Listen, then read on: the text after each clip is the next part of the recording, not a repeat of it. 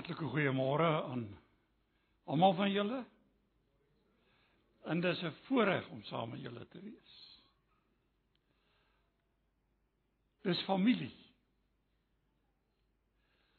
En dis lekker om by familie te kan wees. Dank die Here vir familie soos hierdie. Mense wat jy mee saam kan wees, saam kan deel, saam kan aanbid. Die Here se lof kan besing. En nog 'n groter voorreg om u met die woord te bedien. Nou Miskien moet ek net aan die begin vir julle sê ek ek het nou die wonderlike geleentheid want ek het gedink aan 'n reeks om met julle te hanteer. Maar dis nou ses Sondae so die Here wil, saam met vandag wat ek saam met julle sal wees. Maar vanmôre wil ek vir julle uitnooi soos die woord letterlik vertaal behoort te word na die Here se maaltyd. Kuriakon Daipnon is die woord wat gebruik word. Die Here se maaltyd. En ek wil graag daaroor iets met julle vanmôre deel. En dan is daar aantal van hierdie onderwerpe wat ek dan ook in die loop van die tyd met julle sal wil deel onder andere wil ek ook graag oor die doop praat. Want dis nou vir my baie interessant. Dit lyk vir my baie keer ons as baptiste is half huiwerig om oor die doop te preek. En waarskynlik is die rede dalk omdat ons dan beskuldig word dat alwaaroor ons kan praat is die doop. En nou praat ons so min daaroor. En so min oor die betekenis daarvan. So dis van die sake wat ek graag in die komende tyd met julle sal wil deel met die bede dat die Here dit sal gebruik.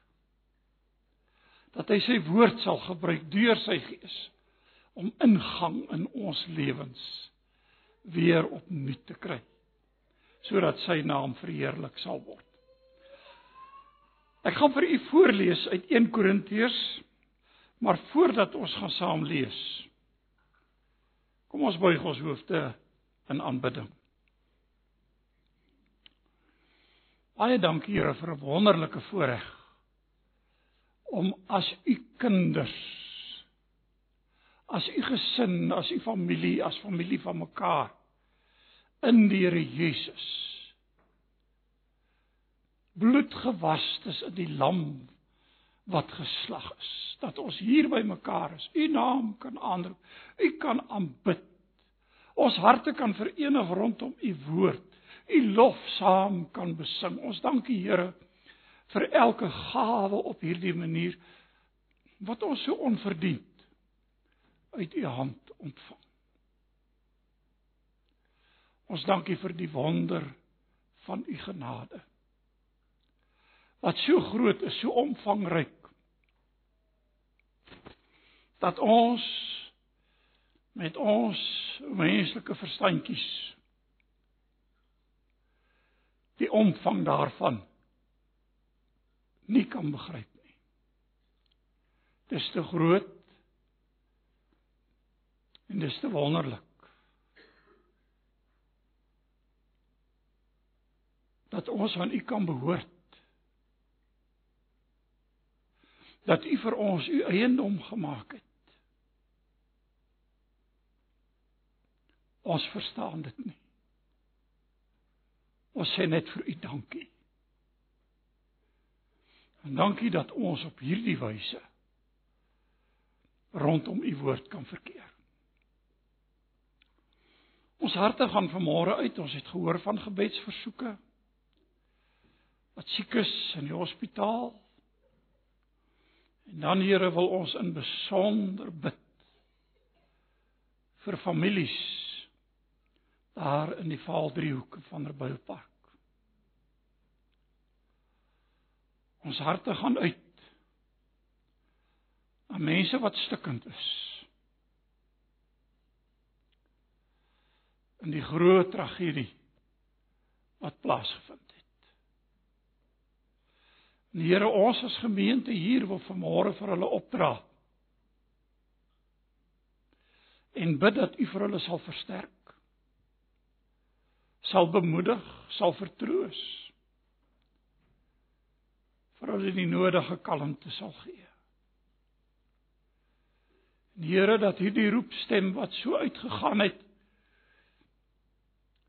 vir ons hele land en veral tot die mense in daardie omgewing dat dit nie ongemerk verby sal gaan nie.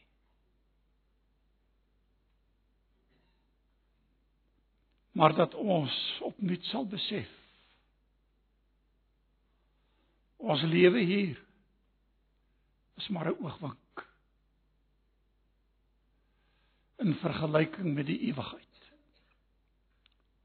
Daarom bid ons vir daardie mense en help vir ons om vir hulle en mekaar te ondersteun. En nou vra ons dat U dit ook stil sal maak in ons harte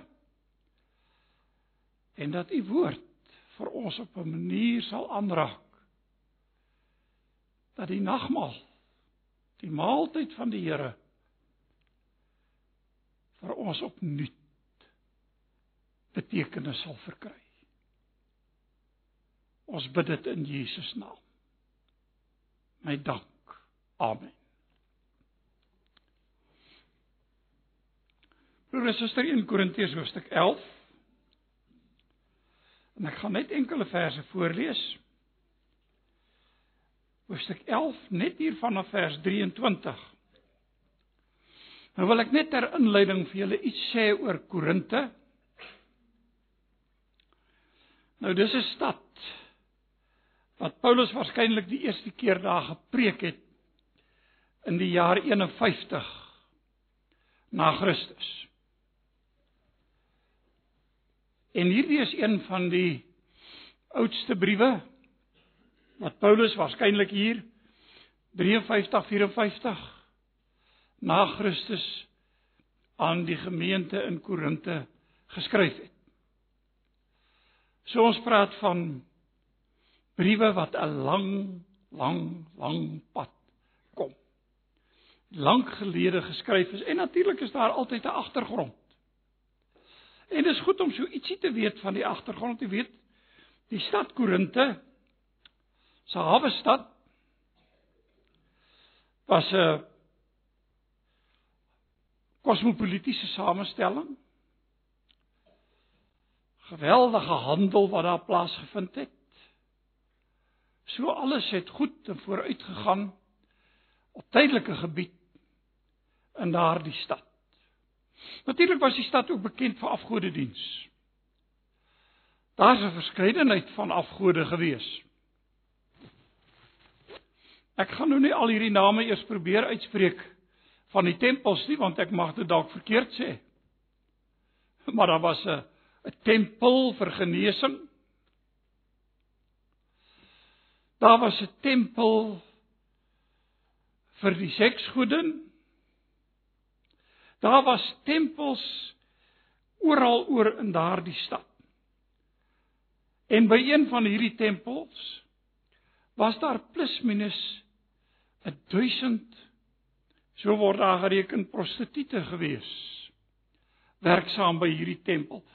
Dit gee u 'n idee van die agtergrond van hierdie stad en van waarin 'n gemeente van die Here wat deur die bediening van die apostel Paulus daar tot stand gekom het, hy daar gepreek in 51 na Christus.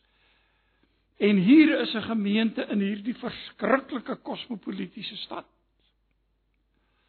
met al sy heidendom, al sy tempels, al sy heidense feeste en het daardie ouens fees gevier geweldig. By baie van hierdie byeenkomste was dit 'n groot feesmaal wat gepaard gegaan het met baie drank. Ons kan verwys na werklik waar dronkmansfeeste wat daar plaasgevind het. En dit was die prentjie van Korinte. Trouwens, daar was 'n uitdrukking gewees om te korintiseer. Was eintlik maar 'n spreek spreek manier van om te sê jy neem nou maar deel aan al hierdie sedelose eh, praktyke en al die dinge wat aangaan in die stad Korinte. In hierdie gemeente 'n gemeente van die Here met hulle eie stryd met hulle eie krisisse gemeente waarvan Paulus dinge aanspreek maak dit nou sin. Ek meen hy praat nogal baie sterk oor verdeeldheid. Op twee maniere dis sal ek net nou terug na verwys. Praat oor verdeeldheid. Hy praat oor huwelik. Hy praat oor immoraliteit. Skielik maak dit vir ons meer sin. Hy raak 'n hele aantal sake aan. Gaan oor die eet van offervleis, hierdie heidense offers. Al hierdie offers wat gebring is, hoe hanteer die gemeente dit? En jy word uitgenooi deur vriende en so meer en daar word van hierdie offervleis in die slaghuis verkoop. Paulus skryf van hierdie goed. Dis die agtergrond van hierdie gemeente. En dan kom Paulus ook by 'n onderwerp waaroor daar waarskynlik vrae vir hom gevra was. Ons sal nou nie presies weet wat was dit nie.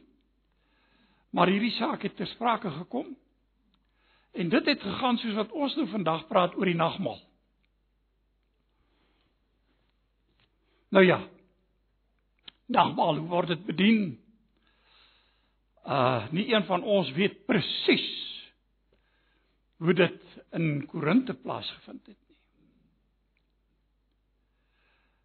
Maar nou wil ek hê julle moet saam met my kyk na die skrifgedeeltes wat ons gaan lees en kyk of ons daaruit iets kan wys word om iets af te lei van hoe dat hierdie maaltyd van die Here plaasgevind het. En ek begin by hoofstuk. Ek doen dit met opset want dis nogal 'n gedeelte wat ons Eh, mis of miskyk hoofstuk 10, ekskuus tog hoofstuk 10. Ons lees dit nogal nie altyd nie. Omdat dit baie gaan oor afgodery, hierdie afgodediens waarvan ek pas gepraat het en hierdie feestydde wat hulle gehad het en nou praat Paulus skielik in hierdie gedeelte. Kyk hier by vers 14 van hoofstuk 10. Hy sê en ek lees uit die nuwe vertaling voor hier en daar gaan ek afwyk na die multivertaling wat meer direk dan is. Maar luister mooi, daarom my geliefdes moet niks met afgodsdienst te doen hê nie. Nogal nogal iets wat vir die Korintiërs iets moes beteken in hulle konteks van hierdie afgode diens waarin hulle verswelg is omtrent in daardie stad. Hy sê moet niks daarmee te doen hê nie. Ek praat met julle as verstandige mense, beoordeel self wat ek sê. En dan sê hy iets interessant.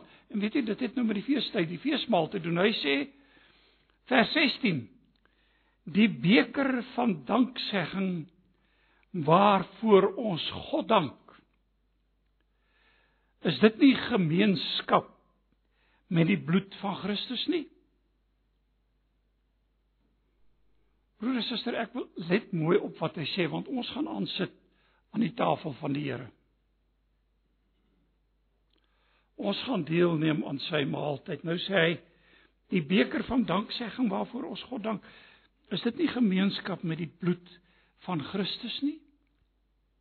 Die brood wat ons breek, is dit nie die gemeenskap met die liggaam van Christus nie? Omdat dit een brood is, is ons al is ons baie saam een liggaam. Want ons het almal deel aan die een brood. So hier raak Paulus die maaltyd van die Here aan. En hy verwys na die brood en hy verwys na die beker van danksegging. Nou gaan hy aan en hy praat interessante paar goed tot eer van God met alles gebeur en hy verwys verhouding tussen man en vrou en dan wil ek hê julle moet saam met my kyk hier vanaf vers 17.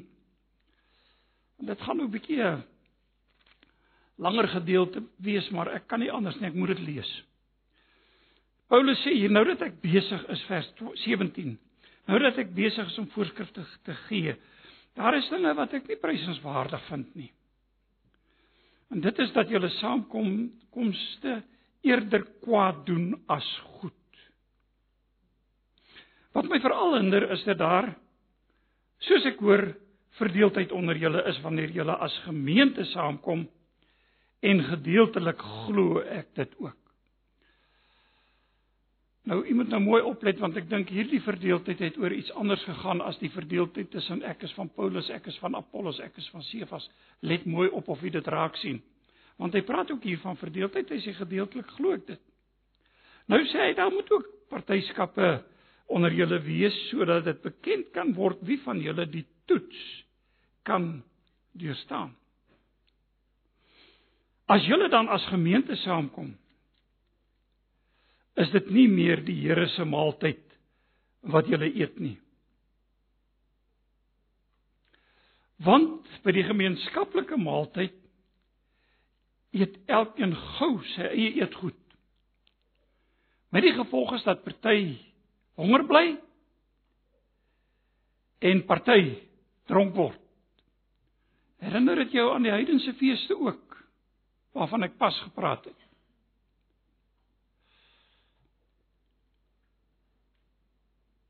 Het julle dan nie huise waarin julle kan eet en drink nie? Of het julle nie eerbied vir die gemeente van God nie? En wil julle wil julle die armes verneder? Sien nie die verdeeldheid lyk dit vir my hier lê tussen ryk en arm. Want die ouens kom by mekaar En miskien moet ek net ter verduideliking sê terwyl ons dit lees. Hier was sprake hierdie tyd. Want ons het nie volledige inligting nie, maar julle het al gehoor van die liefdesmaal. En skynbaar was hierdie maaltyd deel van die liefdesmaal, hierdie maaltyd van die Here. 'n Baie goeie ou vriend van my. Hy is al 'n hele klompie jare terug oorlede met 'n baie hartseer en tragiese geskiedenis, maar hy het op 'n stadium gaan navorsing doen en hy was een van daardie ouens. Hy het altyd gedink. Ek ek het altyd gedink sy brein is ooraktief want hy hou nooit op. Hy het altyd iets wat hy en toe gaan doen hy navorsing oor die nagmaal. Oor die maaltyd van die Here. En hy het natuurlik tot die konklusie gekom dat hierdie maaltyd is nou baie anders gevier as wat ons nou aan gewoontes hier soos wat ons dit doen. En nou wil nou wil ek nie vir julle sê ek het enige probleme met die manier waarop ons dit doen nie omdat ons nie presies weet hoe alles hier plaasgevind het nie. Maar hierdie was skynbaar deel dat die mense bymekaar gekom het vir 'n maaltyd, ete. En dan tydens hierdie maaltyd, waarskynlik aan die einde van die maaltyd, is die maaltyd van die Here, die nagmaal soos wat ons dit ken. Ook gevier, brood gebreek, uitgedeel, die beker uitgedeel en is daar ook nagmaal gevier. En hier met die apostel Paulus nou 'n probleem en dis waaroor hy nou hierdie mense met hierdie mense praat. En uh, hy vra of hulle nie eerbied het vir die gemeente van God nie. Wil julle die armes verneder en nou gaan ons aan. Wat moet ek vir julle sê? Moet ek julle prys? Paulus sê nee hiervoor prys ek julle beslis nie. So Paulus was baie hartseer oor hierdie aangeleentheid vir dit wat aangegaan het in daardie gemeente in Korinte. En weet jy dan kom hy by hierdie deel wat ek hoop vanmôre in ons harte gaan insink dat na vanoggend geen maaltyd van die Here vir ons weer dieselfde sal wees nie. Want luister wat sê Paulus, ek het van die Here ontvang wat ek aan julle oorgelewer het. Die Here Jesus het in die nag waarin hy oorgelewer is brood geneem en nadat hy God daarvoor gedank het, het hy dit gebreek en gesê dit is my liggaam dit is vir julle. Die ou vertaling lees wat vir julle gebreek word. Beste handskrifte het dit korter, dit is my liggaam. Dit is vir julle. Ek wil hê julle moet die prentjie insien. Paulus vertel van toe Jesus die nagmaal ingestel het, breek hy die brood. Hy staan daar fisies. Maar hy gee die brood. En hy sê vir hulle dit is my liggaam. Luister na hierdie woorde. Dit is vir julle. En dan gaan ons verder.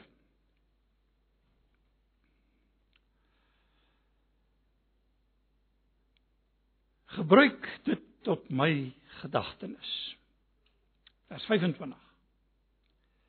Net so ook het hy die na die maaltyd het die beker geneem en gesê: Hierdie beker is 'n nuwe verbond wat in my bloed beseël is.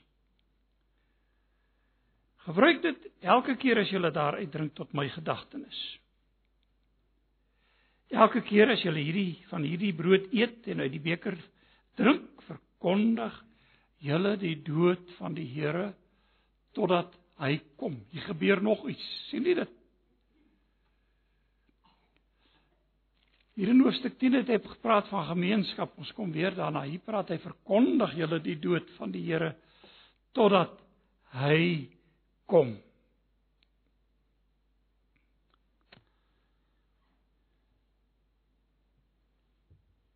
Want elke keer as jy van hierdie brood eet en uit die beker drink, verkondig jy die dood van die Here totdat hy kom. Elkeen vers 27 wat dan op 'n ongepaste wyse van die brood eet of uit die beker van die Here drink, sal skuldig wees aan die sonde teen die liggaam en die bloed van die Here. Maar elkeen moet homself eers ondersoek voor hy van die brood eet en uit die beker drink, want hy wat eet en drink sonder om te besef dat dit die liggaam van die Here is, bring daardeur 'n oordeel oor homself. Daarom is daar baie swakkes en sieklikes onder julle en sterf daar baie van julle. As ons onsself van voor af reg ondersoek het, sou ons nie onder die oordeel gekom het nie, maar nou word ons deur die hele Here geoordeel en getuigtig sodat ons nie saam met die wêreld veroordeel nie. Daarom my broers, as julle saamkom om nagmaal te vier, wag vir mekaar. Dan gaan hy aan as jy honger het, eet nou maar by die huis en so. Net hierdie gedeelte. Wat 'n treffende gedeelte wat die apostel Paulus geskryf het. Die oudste geskrif in wese wat ons eintlik oor die nagmaal het, want onthou, die brief aan die Korintiërs is geskrywe op skrif gestel nog voordat die evangelies op skrif gestel was.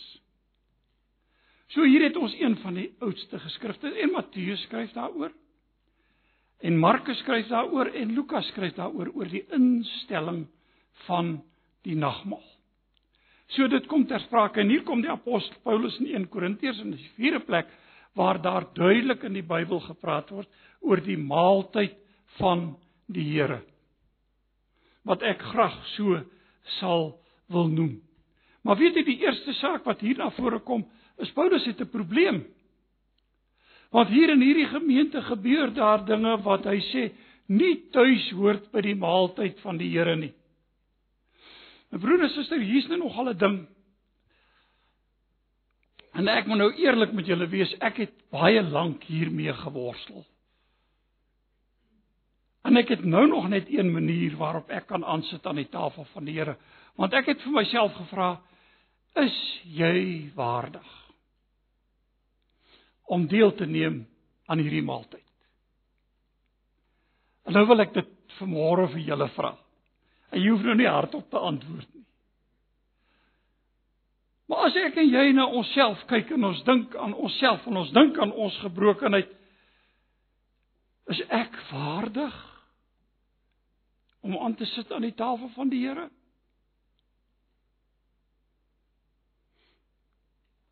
Ek is nie. Ek weet nie van julle nie. En ek is nou nie besig om belydenis te doen nie, want daar's 'n antwoord. Maar ek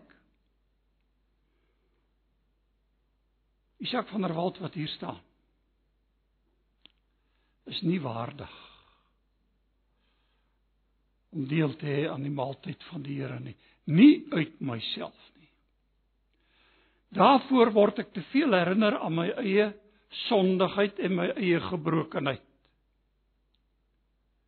Daarvoor weet ek moet ek elke aand op my knieë gaan en bid om vergifnis. En het Jesus ons nie geleer om te bid vergeef ons ons sonde nie? En ek weet ek het dit nodig elke dag van my lewe om van God se vergifnis in Christus Jesus te leef, maar ek is nie waardig nie. Maar hier in hierdie gemeente het hier 'n ander probleem kop uitgesteek en dit was natuurlik die verdeeldheid tussen ryk en arm. En wat nou gebeur het, jy weet baie van daai gemeente mense was maar slawe gewees. En baie van hulle het as gevolg van hulle werksomstandighede onthou hulle het maar gewerk op 'n Sondag En daarmee sê ek nou self ook ek is oortuig dat Sondag die opstandingsdag van die Here is en die dag waarop ons die maaltyd van die Here vier. Maar dit laat gekom. En hulle is juist die mense wat niks gehad het nie. Wat arm was. Wat nie genoeg gehad het om te eet nie. En dan kom hulle laat op en dan die ouens met die baie gaan sit en hulle verlustig in die oorvloed van hulle baie. En in so 'n mate en direk hierdie is direk vertaal waar ek nog gelees die ou vertaling sê hulle het hulle het te veel gedrink. Dis net so 'n bietjie om dit sagter te stel. Want dit staan direk daar sommige was dronk. Wat 'n skande vir 'n maaltyd van die Here, is dit nie? Maar laat ons nou nie te gou veroordelend raak nie. Maar dis 'n verdeeldheid wat die apostel Paulus sê, nie daar hoort nie. Dis waarmee hy begin. En dit hoort nie daar nie. So die eerste gedeelte wy hy aan hierdie kwessie van dit wat nie tuis hoort by die maaltyd van die Here nie. Dis hierdie soort van verdeeldheid. Nou broer en suster, ek is nou oortuig daarvan ons het nou nie meer liefdesmaaltye hier nie. En uh Ek weet nou genoeg van Antipas gemeente. Ek is nie so vervreemd nie. Weet genoeg om te weet julle het die Here lief en julle het mekaar lief. Ek beleef dit as ek hier kom. Ek beleef dit in die hartlikheid waarmee ons hier ontvang word. Ek beleef dit as julle by mekaar is. Ek sien dit. En is wonderlik. Daarvoor dank ons die Here. Maar o dat jy en ek altyd sal onthou. As ek aansit aan die tafel van die Here, is dit nie op grond van my persoonlike waardigheid nie. My persoonlike goeie dinge wat ek doen nie. Want dit laat my nie toe tot die tafel van die Here nie. Iets anders laat my toe en dan verduidelik Paulus vir ons presies waaroor dit gaan Waaroor gaan die nagmaal? Wat beteken dit? Wat dit nie moet wees nie. Het ons nou gehoor. Wat moet dit wees? Wat sê die apostel Paulus? Ek het van die Here ontvang. En dit is so wonderlik dat hy dit sê want jy weet hierdie woord gebruik hy nog al meer kere om aan te dui dat dit nie slegs net bloot oorlewering was nie. Hy sê ek het van die Here ontvang wat ek ook aan julle oorgelewer het dat die Here Jesus in die nag waarin hy verraai is of oorgelewer is soos dit hier staan brood geneem het. En nadat hy God daarvoor gedank het het hy dit gebreek. En dit uitgedeel en gesê dit is my liggaam. Dit is vir julle en broer en suster hierin lê geweldige betekenis in opgesluit. Kom ons dink net vir 'n oomblik aan wie het Jesus die nagmaal in daardie nag wat hy verraai is uitgedeel? Jy al daaraan gedink? Daar sit die disippels, dis tydens 'n Paasfees. Pasga en nou deel hy die brood uit. En hy vat die brood. En daar was nou sekere gebruike wat gevolg is waarop ek nie nou wil ingaan nie. Maar sekere gebruike wat gevolg is en hy neem die brood, hy breek die brood. Hy identifiseer hom in die Pasga ten volle met God se volk wat uitgelei is uit die slawehuis van Egipte. Jy al daaraan gedink? Want dis by die Pasga wat hy dit instel. En hy identifiseer hom so met daardie mense dat hy saam met hulle deel in die verlossing wat Israel gesmaak het toe hulle uit Egipte uit die slawehuis uitgelei is. So identifiseer Jesus hom met die mense. Maar hy doen iets anders. Hy neem die brood en hy breek dit.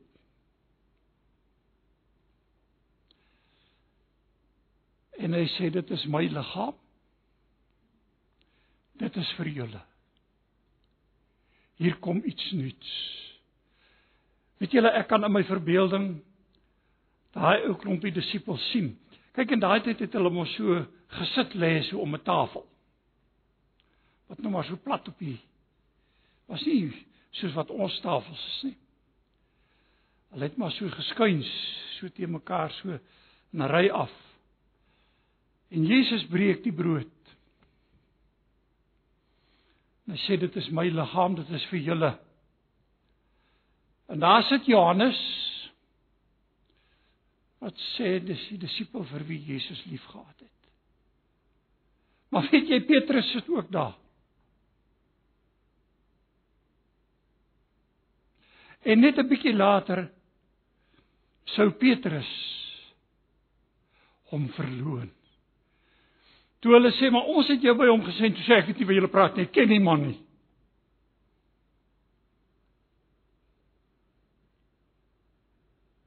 Hoor ons nie ons eie stemme baie keer in dit wat Petrus gedoen het nie. En weet jy wat doen Jesus?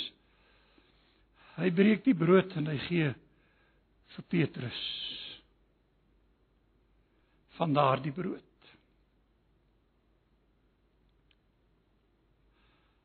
Thomas Toe hulle hom vertel dat Jesus het uit die dood opgestaan.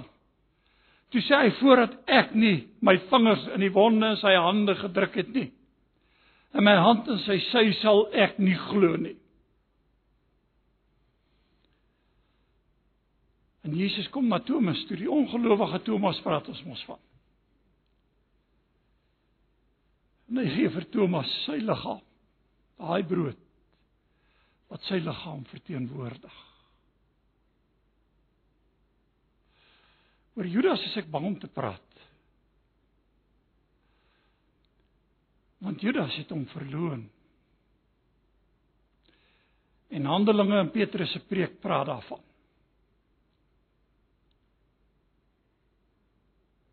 In 'n sekere sin moet ons sê Judas het die evangelie gehoor en het die aanbod gehad. Maar dit uiteindelik verwerp.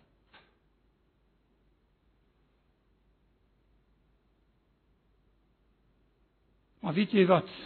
Vanmôre As jy die brood neem,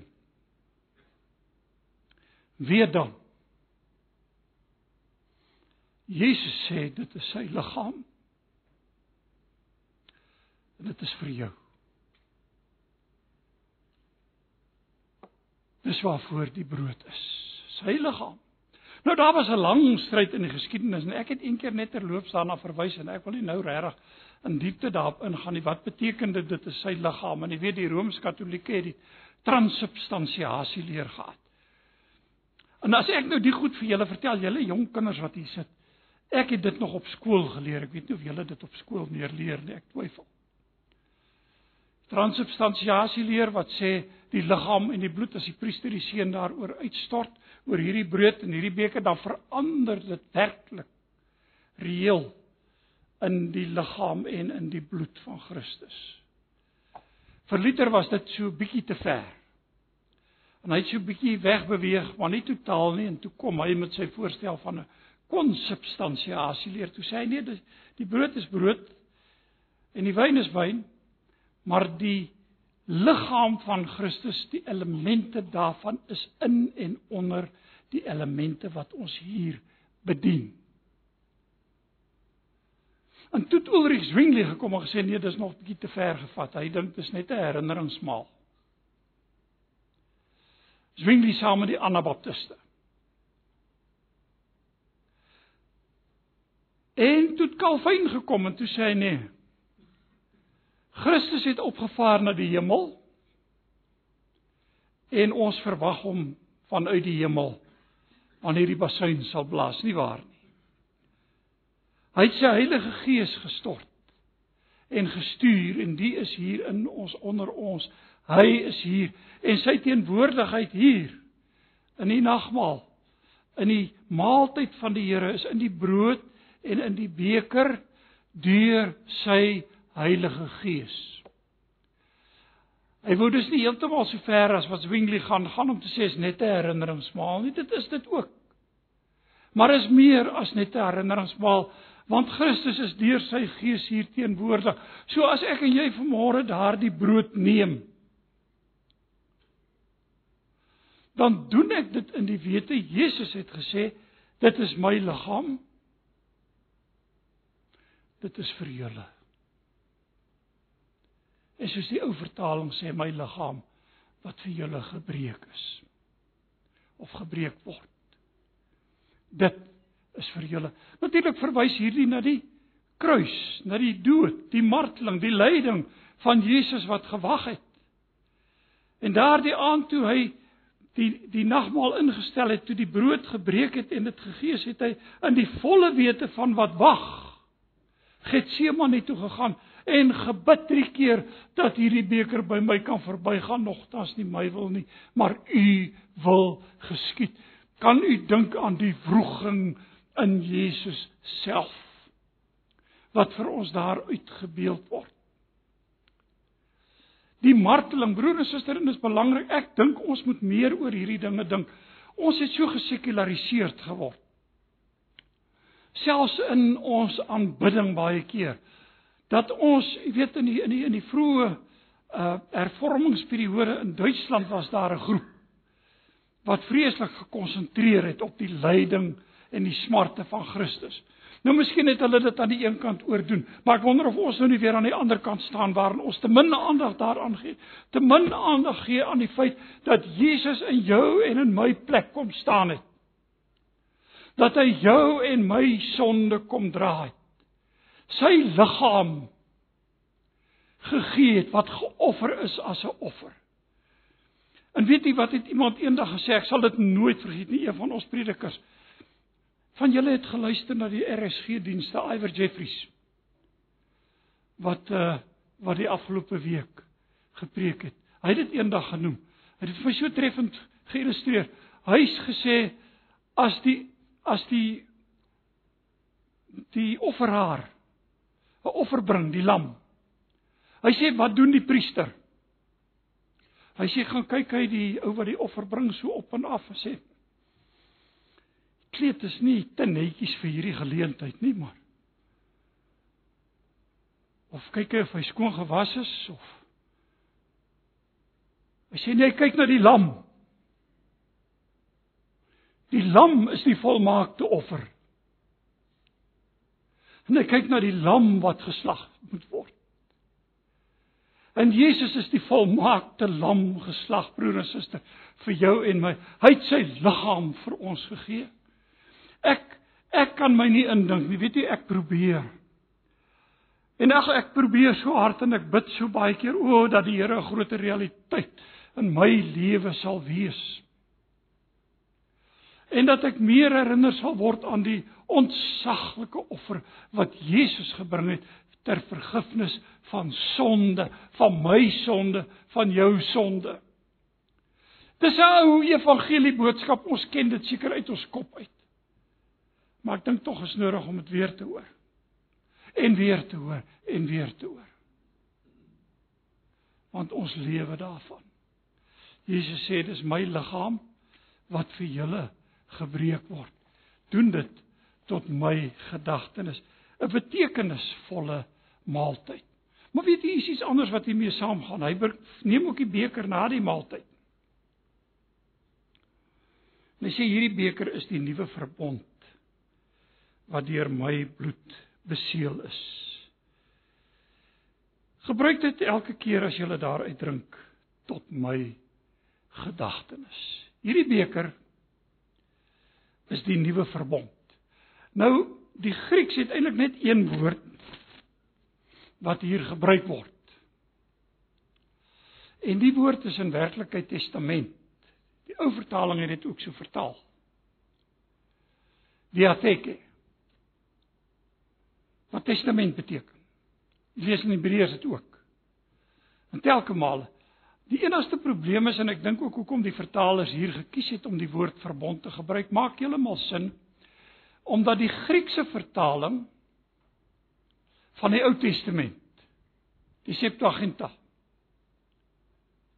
het die woord suntheke wat verbond is met diatheke deurgaans vertaal. So oral waar verbond in die Ou Testament gebruik word, word die woord testament diatheke gebruik. En daarom het die Bybelvertalers gekies om by die woord verbond te bly. Is die nuwe verbond Jeremia. Dink aan Jeremia 31, die belofte van die nuwe verbond. Die vergifnis van sonde. Hebreërs 8 wat vir ons sê dit sien ons binne die gemeente. Die nuwe verbond wat God beseël het met sy bloed. Die bloed van Jesus wat gestort is vir jou en vir my sonde. En die magiese krag lê nie in die bloed van Jesus as sodanig nie, maar in die feit dat hy sy lewe en dis wat dit beteken, hy het sy lewe broer en suster vir jou en vir my gegee sodat ons kan lewe. Hy het gesterf, hy het opgestaan uit die dood sodat ek en jy kan lewe. En sodat ons ook kan weet daar is 'n opstanding uit die dode. Maar in dieselfde asem ook kan weet as ek hier my oë sluit. Jy het geluister na die getuienis van een van die paas van daardie of 'n pa van daardie matriekseun in in Vanderbijl wat gesê het hy het dit nou so geïnterpreteer sy seun is in die hemelse leer. Hy wil altyd weer mag toe gaan. Maar hy's by Jesus. En broer en suster, ek en jy weet Paulus sê as ons uit die liggaam uitwoon, woon ons by die Here in. Maar die Bybel praat ook van 'n opstanding van die liggaam, 'n verheerlikte liggaam sal dit wees. Nou dis 'n onderwerp vir 'n totaal ander geleentheid waarop ek nie nou kan ingaan nie.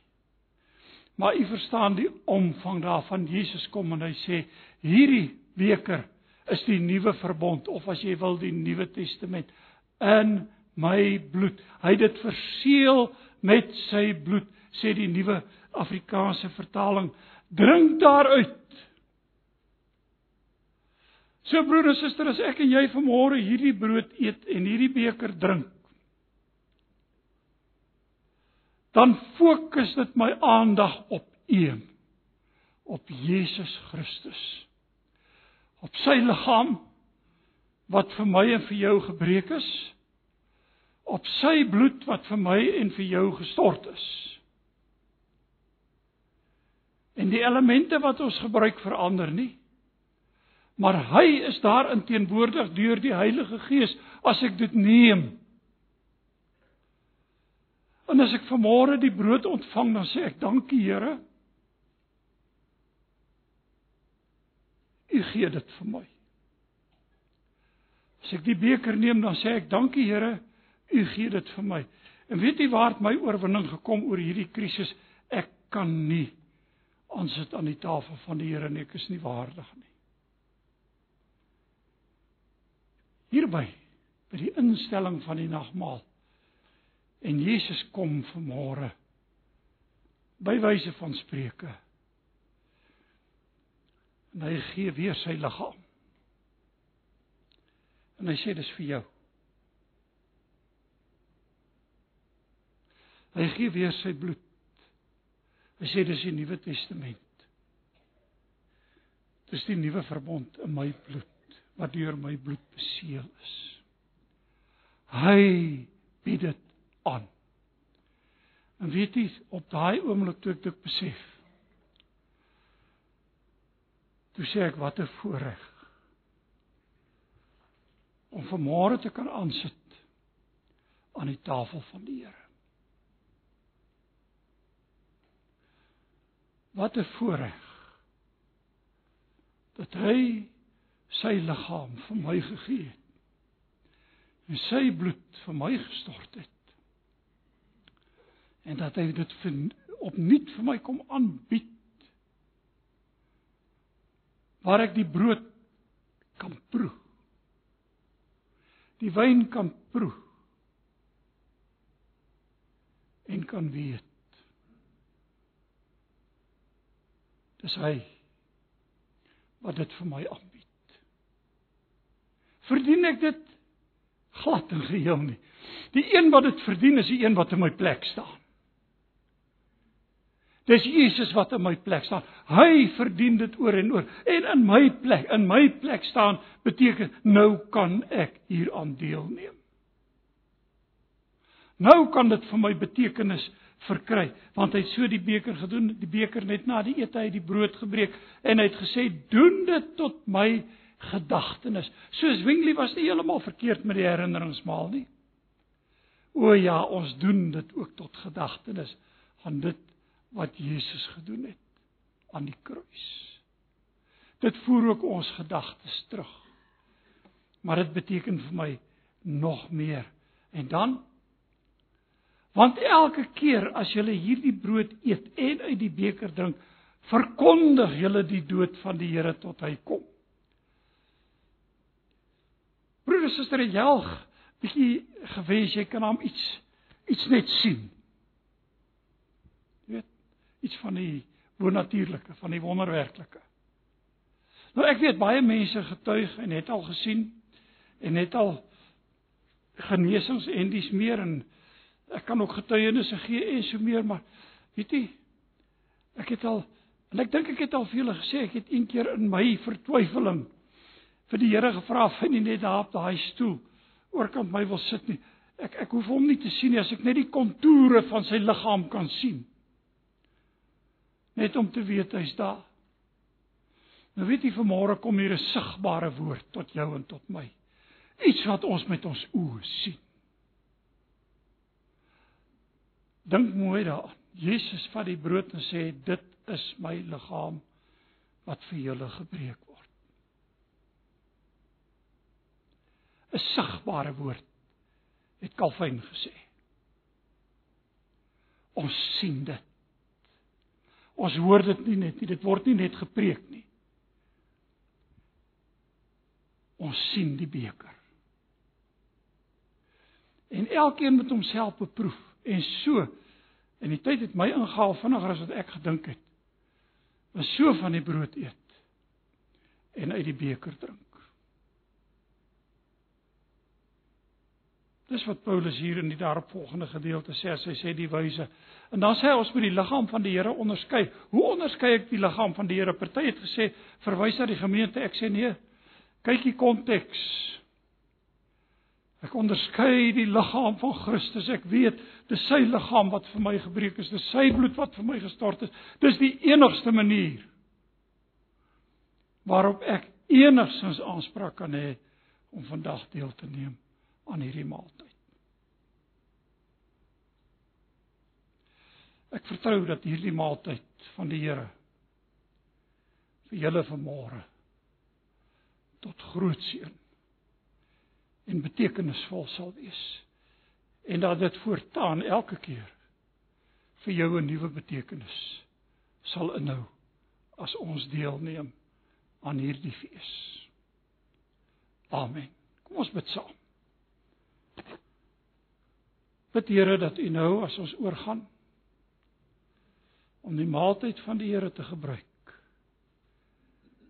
Dat U vir ons sal help om daarna te kyk soos die apostel Paulus vir ons leer.